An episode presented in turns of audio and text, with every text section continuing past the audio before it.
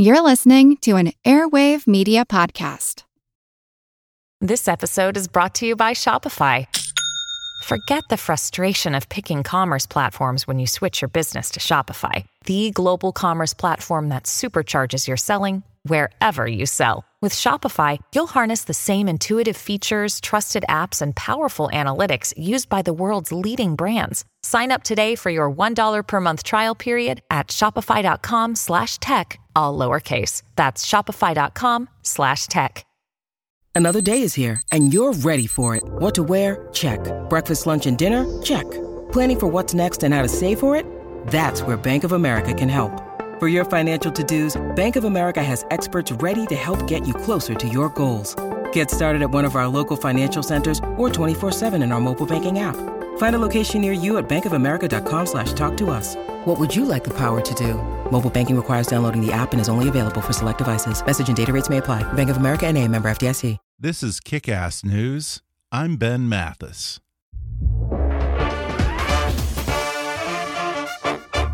I want to tell you about a great new podcast called Outside the Box. If you're a maker, an innovator, or even just a consumer who wants to peek behind the curtain of some of the world's greatest organizations, you'll love it. The latest episode features interviews with the visionaries who are creating systems that bring our work, and more importantly, our workforce, into the 21st century. Because although we're plugged in at home, when it comes to the workforce, we're lagging behind. Listen to Outside the Box in Apple Podcasts, Stitcher, or wherever you get your podcasts. And now, enjoy the show.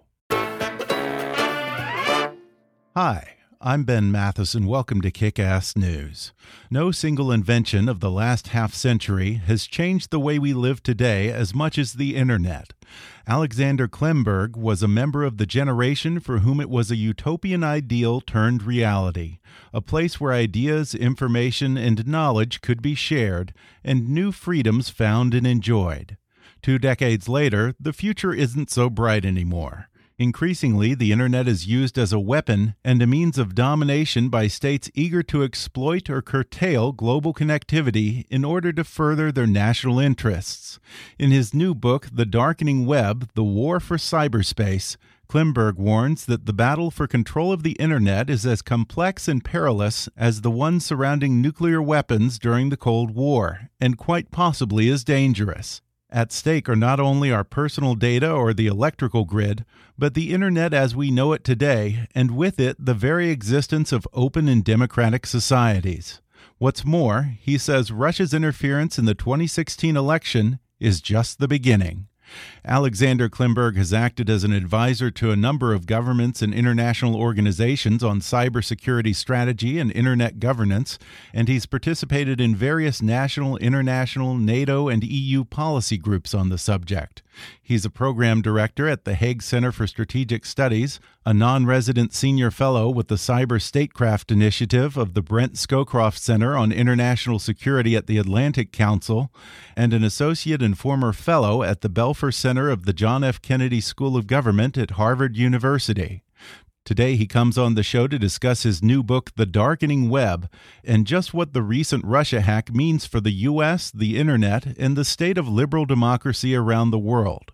He'll reveal what he believes Russia was really up to in the 2016 presidential race, and how it may be far more sinister and potentially devastating than simply influencing that one election.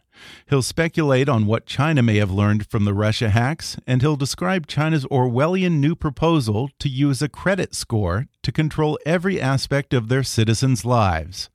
He'll discuss how some of America's most fundamental democratic values make us particularly susceptible to information warfare, how authoritarian governments like Russia and China want to scare the U.S. into rolling back internet freedoms, and how the U.S. may one day soon have to make a difficult choice between preserving our freedoms here at home and supporting freedom abroad. Coming up with Alexander Klimburg in just a moment.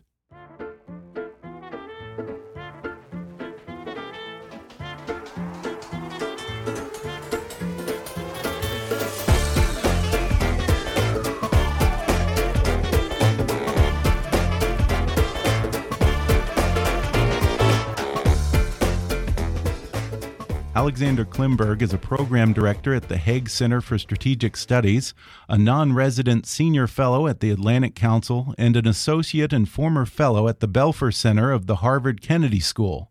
He's a leading expert on cyber warfare and internet governance, which he talks about in his new book, The Darkening Web The War for Cyberspace. Alexander, thanks for coming on the podcast. Thanks for having me. Well, this book could not be more timely with the near constant coverage in the media of Russia's interference in the 2016 U.S. election. Were you already working on this book when the Russian story started to come to light last summer? And did those events influence the direction of the book? So, I actually started working on this book about five years ago. So, that's when the first time I pitched it. And there wasn't that much interest, and people really just wanted to talk about China. Huh. Um, and they bought the book about three years ago, and I started working on it in earnest about two and a half years ago. Um, and then, of course, topics would shift entire time. Then people would pop up and go, "Hey, what about Iran? What about Korea?"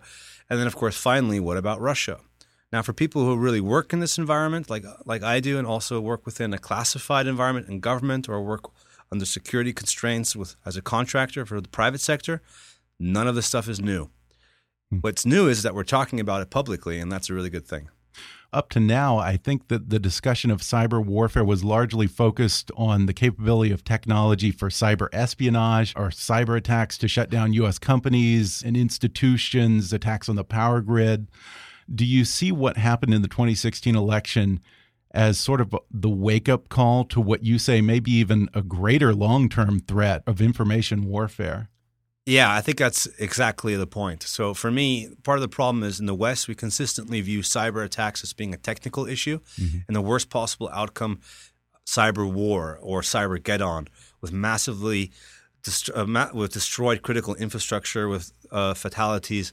Uh, and similar effects of a weapon of mass destruction. So that is a real possibility and a real threat, but there is a separate threat and that threat is the one of consistent information warfare. And has to do with the fact of how governments also view the worst possible outcome in cyber. Western governments worst, uh, view the worst possible outcome as being, as I said, the cyber war scenario. But authoritarian governments, Russia and China, for them, the worst possible outcome is regime change. They hmm. see cyberspace as being the information domain, and they see all conflicts as being information conflicts. So their big concern is information warfare. And now they have brought the information warfare to the West. And the U.S. is only one example of many. And I tend to think that most people, when they think of this Russia story, it's still limited to just the DNC attack. How else was Russia using the internet to influence the 2016 election? So there are many different things that were occurring in the context of that particular um, campaign. And we now have some information that I did not have when I first commented on the, the those attacks uh, while they were going on last year, and that was that actual voter registers or uh, voter, uh, voter, registries in, in, states were actually tampered with, mm-hmm. and that even some of the equipment themselves may have been tampered with. But I stand by the original analysis I did by at the time for the Wall Street Journal and CBS among, and Washington Post, which was that effectively I think that their original main gain, main purpose was to delegitimize the election per se. So they were quite happy for people to discover that the voter rolls had been tampered with or even that the equipment had been tampered with because even though it only would influence 0.001% of the votes, it would cast doubt an entire process. And if Hillary Clinton had been elected, then that would have also count, uh, cast doubt on her presidency.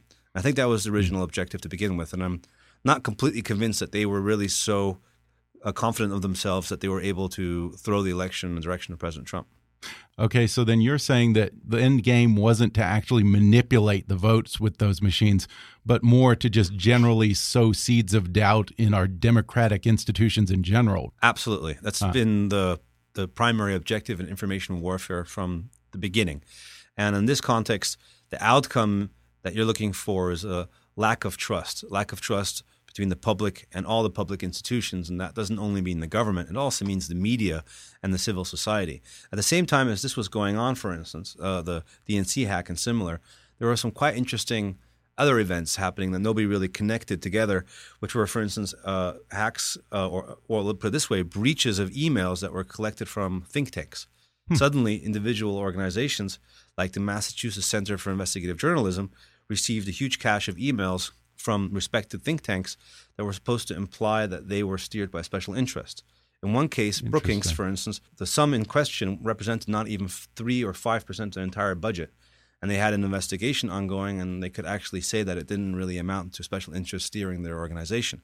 But it was quite interesting for me that at the same time we were having this discussion about the Democrat National Congress, uh, National Committee hack, we were having other cases of what's been called now political doxing, although that's not the, really the right term, um, i.e., revealing emails to embarrass somebody that were targeted against the civil society. And this is always the objective wow. to weaken the trust. And I think the trust aspect is one we really should come back to because uh, that's also how they managed to to probably have the greatest gains in the U.S. compared to the gains elsewhere.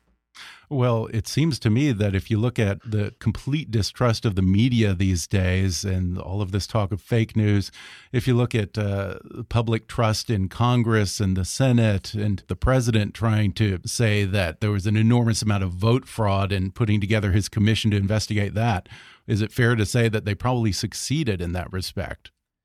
I think they were probably highly successful in sowing doubt in the U.S.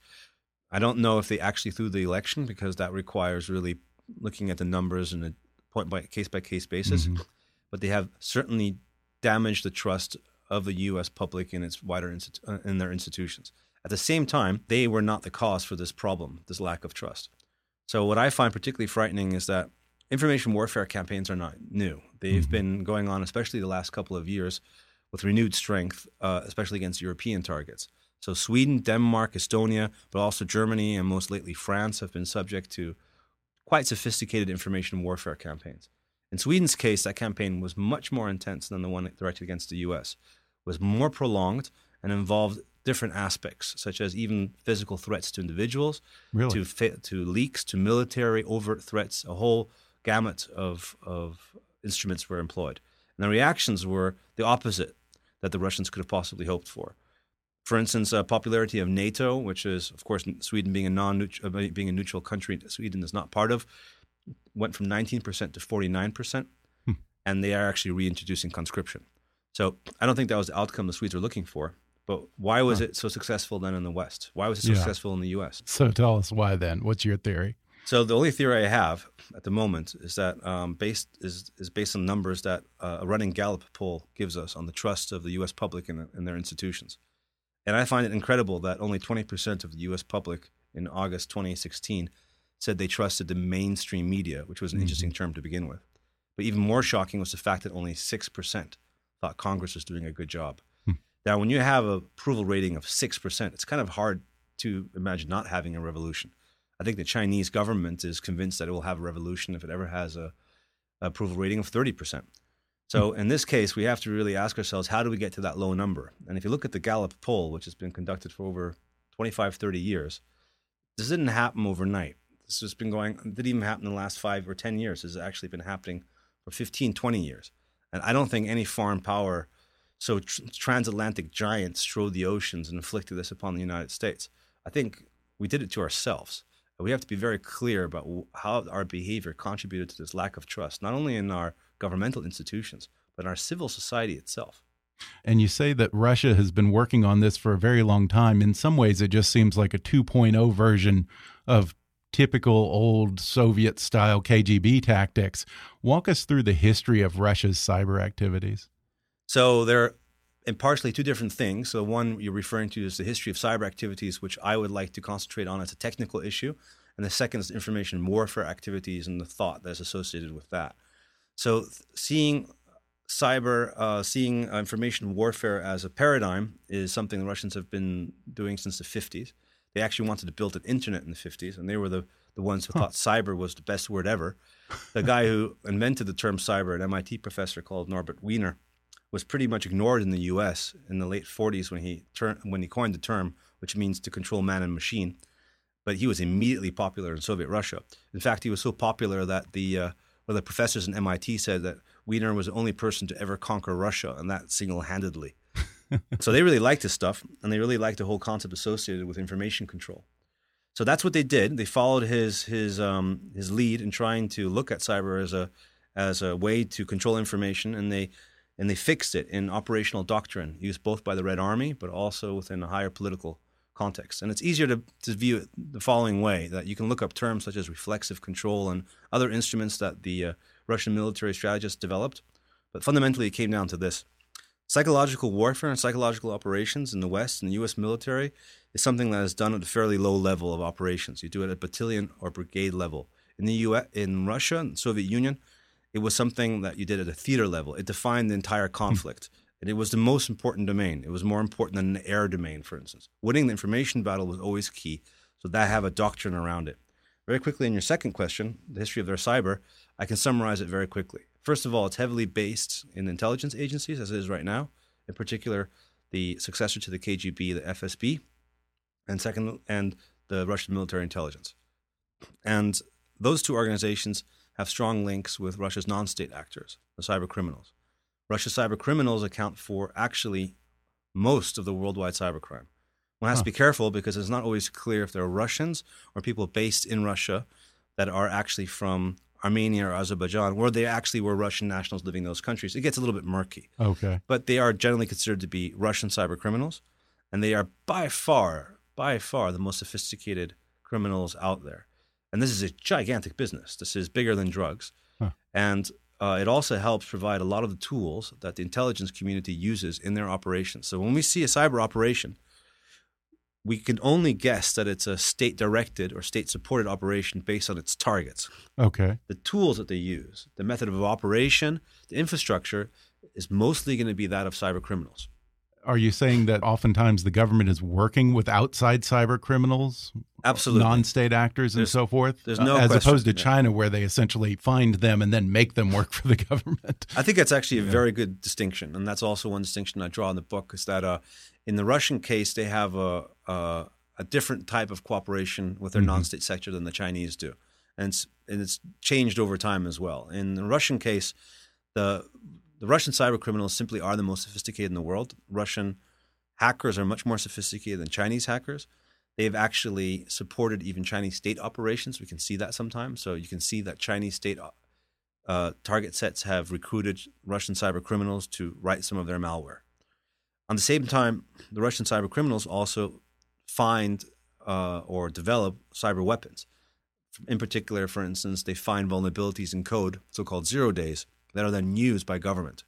Or they find new methods of operation and new ways to effectively deliver cyber weapons. That is then also used by government. And we see that again and again and again. And what we also see in the public context is that certain cyber criminals are not extradited, they're not arrested, nothing happens to them. In fact, one of the last hmm. executive orders signed by President Obama included, uh, had on it one particular individual, a gentleman known by his code name Slavik, who is one of the biggest cyber criminals worldwide. And he's been directly the subject of an executive order of the United States. Wow.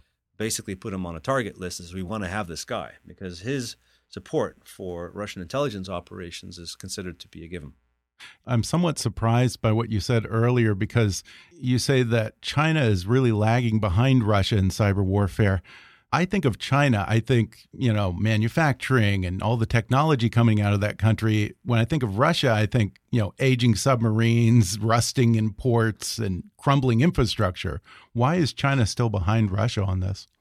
Uh, that's a good question. I can't answer all parts of that. I think one part of it may be that the uh, it's partially that first of all the quality of the programmers coming out of Russia is just second to none. So hmm. I mean they have uh, they feed Silicon Valley as well, right? So uh, that's one thing to keep in mind. Secondly, the size of the country. So China is just so unbelievably massive that even their NSA alone, so the organization in China that has the same function, which is the Third General Staff Department of the People's Liberation Army, even the so-called 3PLA has over 160,000 people working in it. Wow. So that's uh, about six times the size of the NSA, to my knowledge. Um, and that's only the part that actually works on related to cyber. I don't even know how many people work on other tasks. so that is a, a, size issue. And the third, so that when you have a certain size issue, it's hard to be lean and mean. The third thing is, and this is probably the most important and goes beyond cyber, um, China sees itself as a rising power. It sees itself as being able to bide its time, and pretty much everybody will fall in line, and uh, and they are probably going to come out ahead, maybe even ahead of the United States. Just given just give them some time. Russia probably doesn't see the world that way. they they are either a declining power or a failing power, and they need to try to keep the gains that they think they have or recover those gains that they think they just recently lost. So they are more likely to be a lot more aggressive and forward leaning to begin with. We're going to take a quick break, and then I'll have more on cyber warfare with Alexander Klimburg when we come back in just a minute.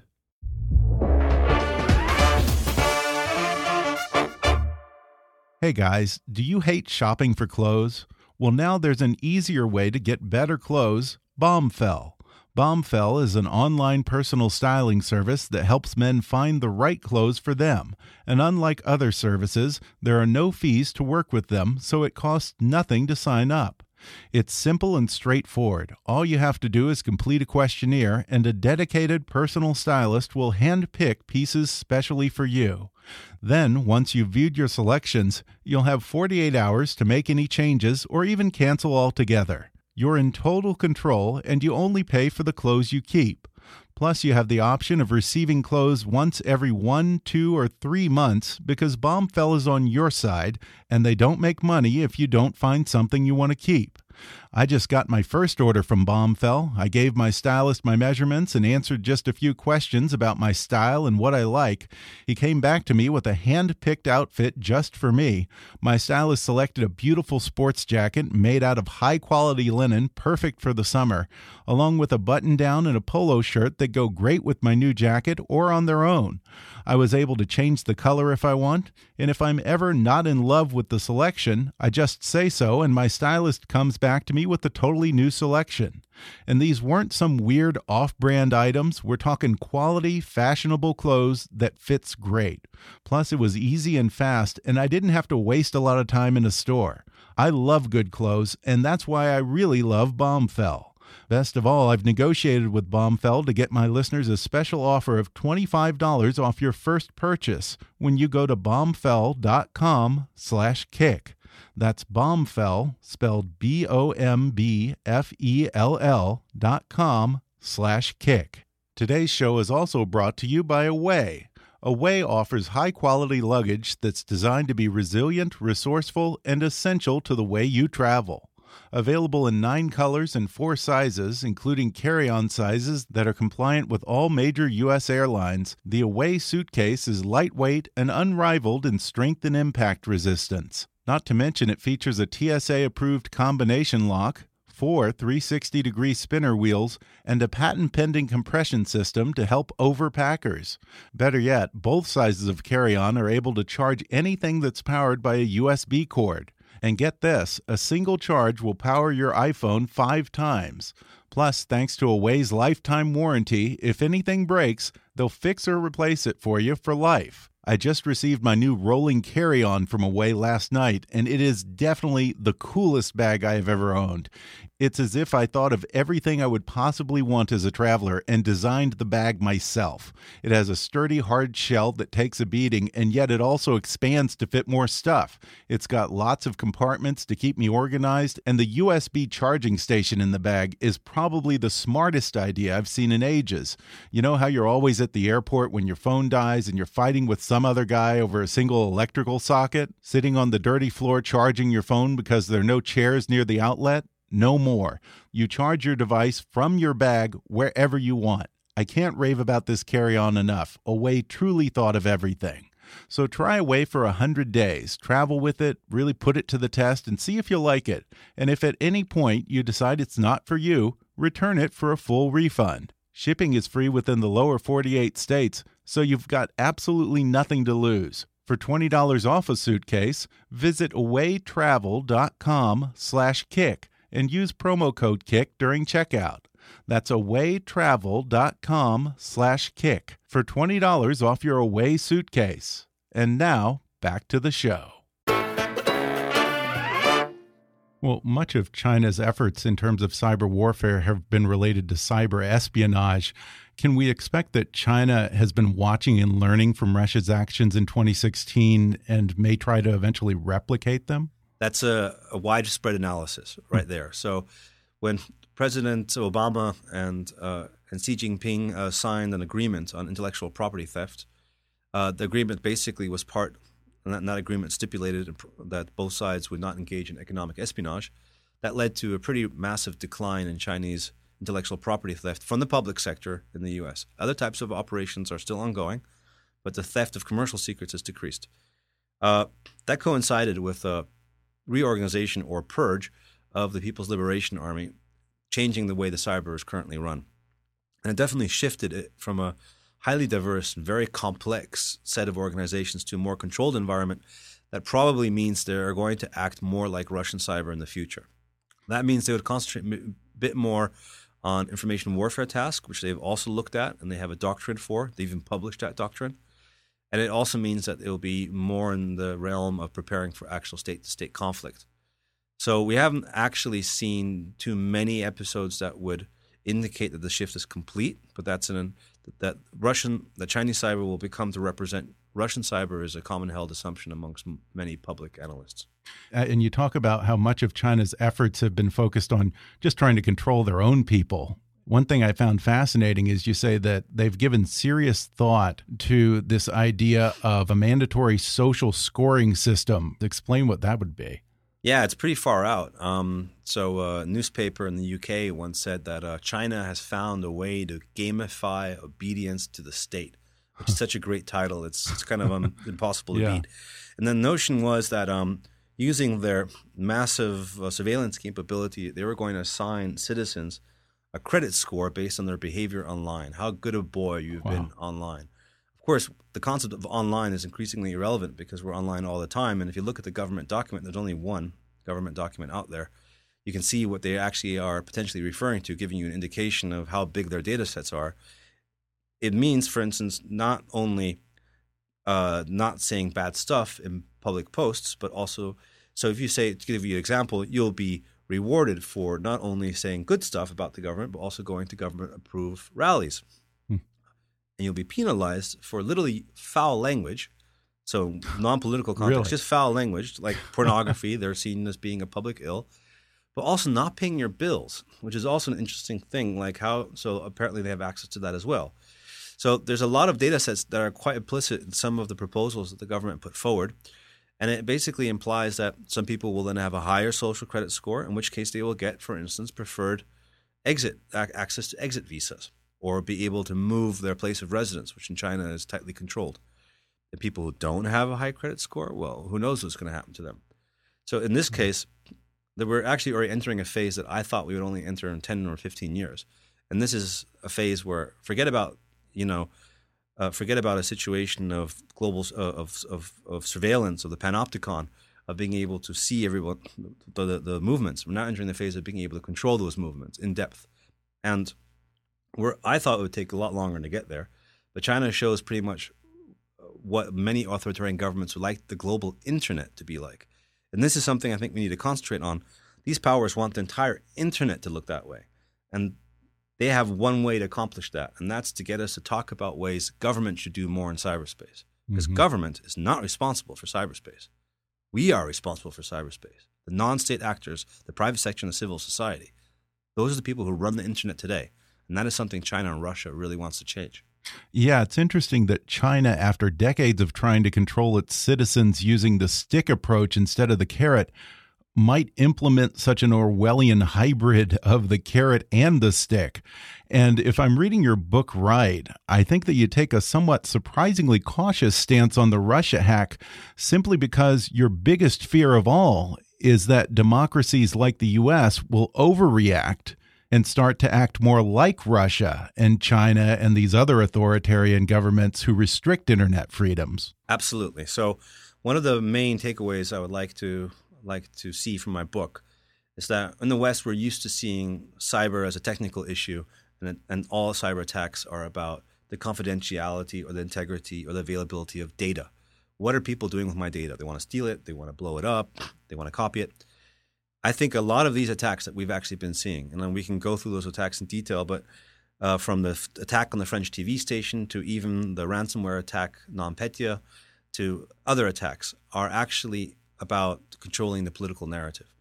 And especially Russian actors are very keen on, on us in the West having a discussion about government role in cyberspace. And government role in cyberspace is, in my mind, is is is very very uh, important as far as international relations are concerned and the state to state use of cyber weapons. However, what they want to have a conversation on is the control of the internet, which is a different subject. It's called internet governance, which currently is not managed by the states. It's managed by individuals by a galaxy of independent companies and, most importantly, nonprofit organizations, some of them based in California, which was, of course, the birthplace of the internet per se. And they really want to reverse that. So I think what happens is that we are seeing cyber attacks that have actually have no practical value. They're not about stealing data, hmm. not about destroying stuff. They're about getting our attention and getting government's attention in the West to focus on government solutions to what until now has been a non-state issue. Hmm. If we go down that route, we're thinking about a different type of internet, an internet that is not controlled by us, by controlled by literally by the people, but controlled by international organizations. And that I think is a very dangerous move. And what you're describing here is what you call two dreams of the internet. We have the liberal democracy version, and then the version that's espoused by Russia, China, Iran, North Korea, and others. Can these two ideas of the internet that seem to be so far apart ever be reconciled and reconciled in a way that doesn't involve us curbing our internet freedoms here? No, like they you cannot. just described. They are they, absolutely they cannot, and that is the point. Is that we have a we have a moral dilemma that we might be faced with in a couple of years' time. Um, if the pressure from those governments to change the current international system of way the internet is currently run reaches the point where they threaten to pull out of the internet entirely, which they've done repeatedly over the years, we have to say sorry, goodbye, and mm-hmm. good luck to you. Because the because the other option would be is to accept their model, and that would put our own societies at risk. However, even if we would say to China, for instance, who has been quite reluctant to disconnect from the global internet, given the fact that probably 20% of their GNP growth per year depends on internet connectivity, they might feel more comfortable to be able to do that given the way certain things have developed. If they did that, then it would be another problem. Then we have a case of Russia, China, other countries who effectively break off, form their own internet, and establish a gigantic truth bubble like North Korea yeah. truth bubble on potentially hundreds of millions of citizens which could potentially last for generations and totally inform their complete worldview much more entirely than, for instance, those truth bubbles did in North Korea or Eastern Europe. So, what do we do then? Then we have potentially a half a billion people totally brainwashed across the other side of the digital curtain. What do we do? What's our moral responsibility then? But that's a question I hope we have to deal with rather than the question, what do we deal with in terms if we lose the entire internet? And of course, I'd prefer that China and Russia stay on the global internet and that we're able to continue having our discussions about how we can actually make this common road work for all of us. Wow. So essentially, it may come down to a tough choice between preserving our own democratic values here at home and standing up for free peoples in countries like China and Russia, North Korea, and so forth. Absolutely. It's been a running we debate. may have to sacrifice them. Absolutely. It's been wow. a running debate for um, especially the last five years about internet fragmentation. It's a topic that has come up again and again and again. The, where's the point where we decide that internet fragmentation is the only way to go? That other countries, other regions should have their own internet, and we preserve the internet as it is. So that is also, of course, one of the safe the safeguards that we have of the entire internet being corrupted. But you know, politics is is an upheaval lately. Uh, the UK in the UK, the Prime Minister Theresa May, after the uh, terrorist attacks in that country, declared that she wanted the UK to be a leader in government regulation of the internet. Mm. The previously declared mother of all democracies was starting to talk like China. And when they said people said that you're starting to sound like China, they didn't think that was a bad thing. now, luckily enough, that's not in the government program anymore. But we can assume that some of that rationale that governments should be involved in a much stronger way than they previously have been in the content of the internet is now there. So the second the, the, the worst possible case, where the second scenario, if you will, of the entire internet falling under this trap is really there. I don't think it's a likely scenario. I want people to be aware of the fact I don't think we're we're going to end up there no matter what. It's a I think it's a less likely than everything else, but if it does occur, it is a catastrophe uh, beyond measure because in that kind of society, that kind of internet where all of our information is stored, everything related to our private lives, all our information is produced, there cannot be a free speech. There cannot be democracy. So this is one reason why, even if it's a low probability, high impact event, we do everything possible to keep the internet the way it is. And make sure that government interest is limited to government affairs, in particular the area of international diplomacy. Is it safe to say that societies like the US that embrace free speech and freedom of the press, that allow dissent, are likely to be far more susceptible to this particular type of information warfare? Countries in Europe, some of these countries uh, are put put a similar level of, of, of, a similar value on freedom of speech as the U.S. does, and they resisted information warfare attempts uh, in a better way.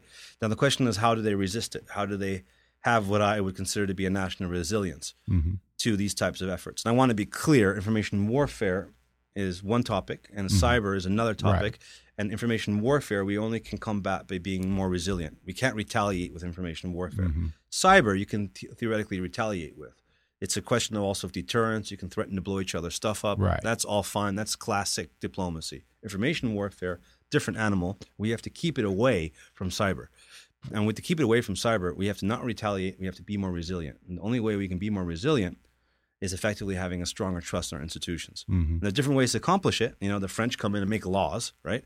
But the Swedes and the Germans and a lot of the Scandinavians really had a bottom up approach where they would just would brief journalists and civil society people and generally try to have a national dialogue ongoing. So people just had a higher level of trust. Well, in a country that has freedom of speech and that has almost since our inception an innate distrust of certain institutions, in a head to head psychological war, info war between an authoritarian government like Russia and the US, are we almost doomed to lose because of that? So that's a kind of interesting scenario for you know planning purposes. Um, and I actually think if we go in that direction, and I look at, for instance, what strategic doctrines were developed in the Cold War in in Western Europe, so-called spiritual defense doctrines that democracies actually had in Switzerland and Sweden for, and Norway, for instance. Um, I actually think that these governments would come out ahead. Um, in the very worst case, depending on what your exact flavor is of a liberal democ- liberal democracy, you establish you go in a more French direction, if you want, if you will. Um, you establish much more controlled legal frameworks around information. Mm-hmm. But don't forget, these are controlled legal frameworks or laws that can be reversed later on, just like during the American Civil War. Mm-hmm. Um, in this case, I think also our narrative was stronger. So, if, for instance, the Chinese and the Russians and they are convinced that we are currently in an information warfare and that, in particular, the United States is trying to take their government down. And I don't think the evidence is really in support of that.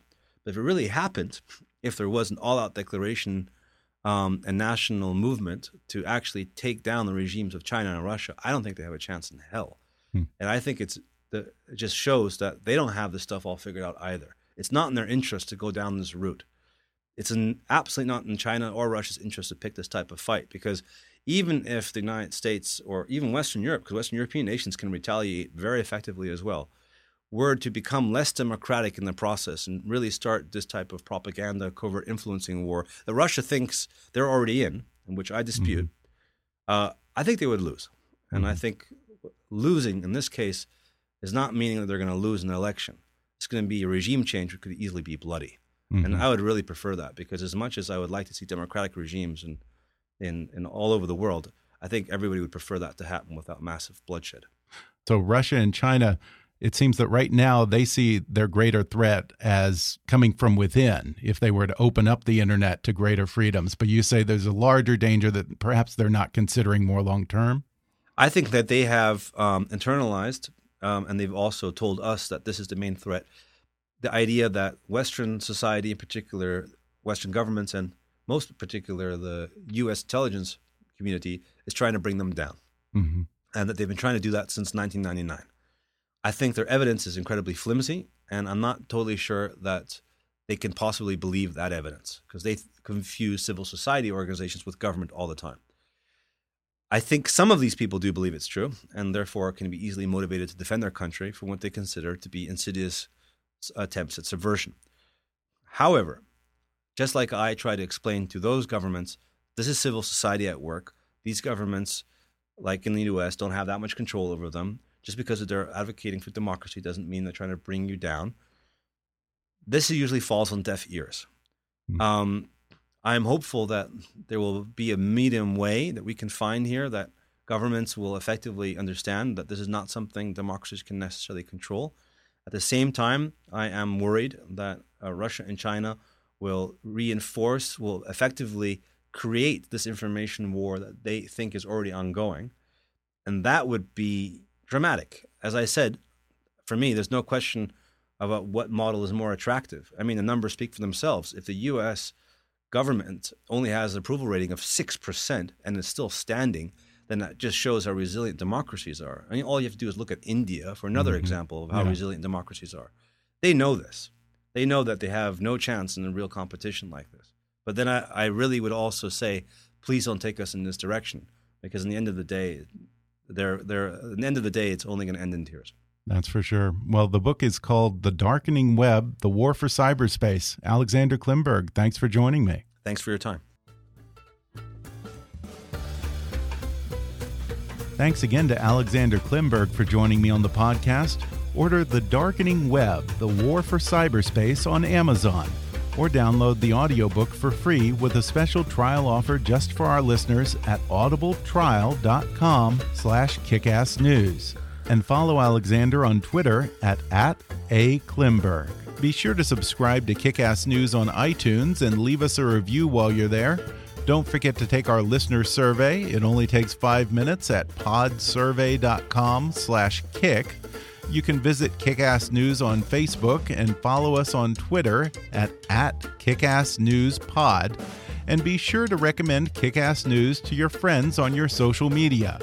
And if you really want to help out, then donate to our GoFundMe campaign at gofundme.com slash kickassnews or click on the donate button at kickassnews.com.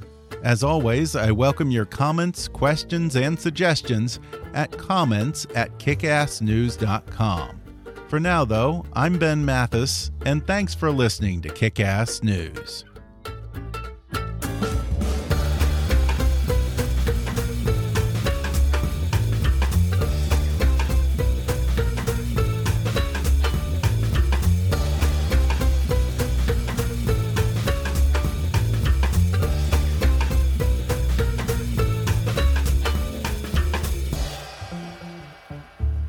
Kick Ass News is a trademark of Mathis Entertainment, Inc.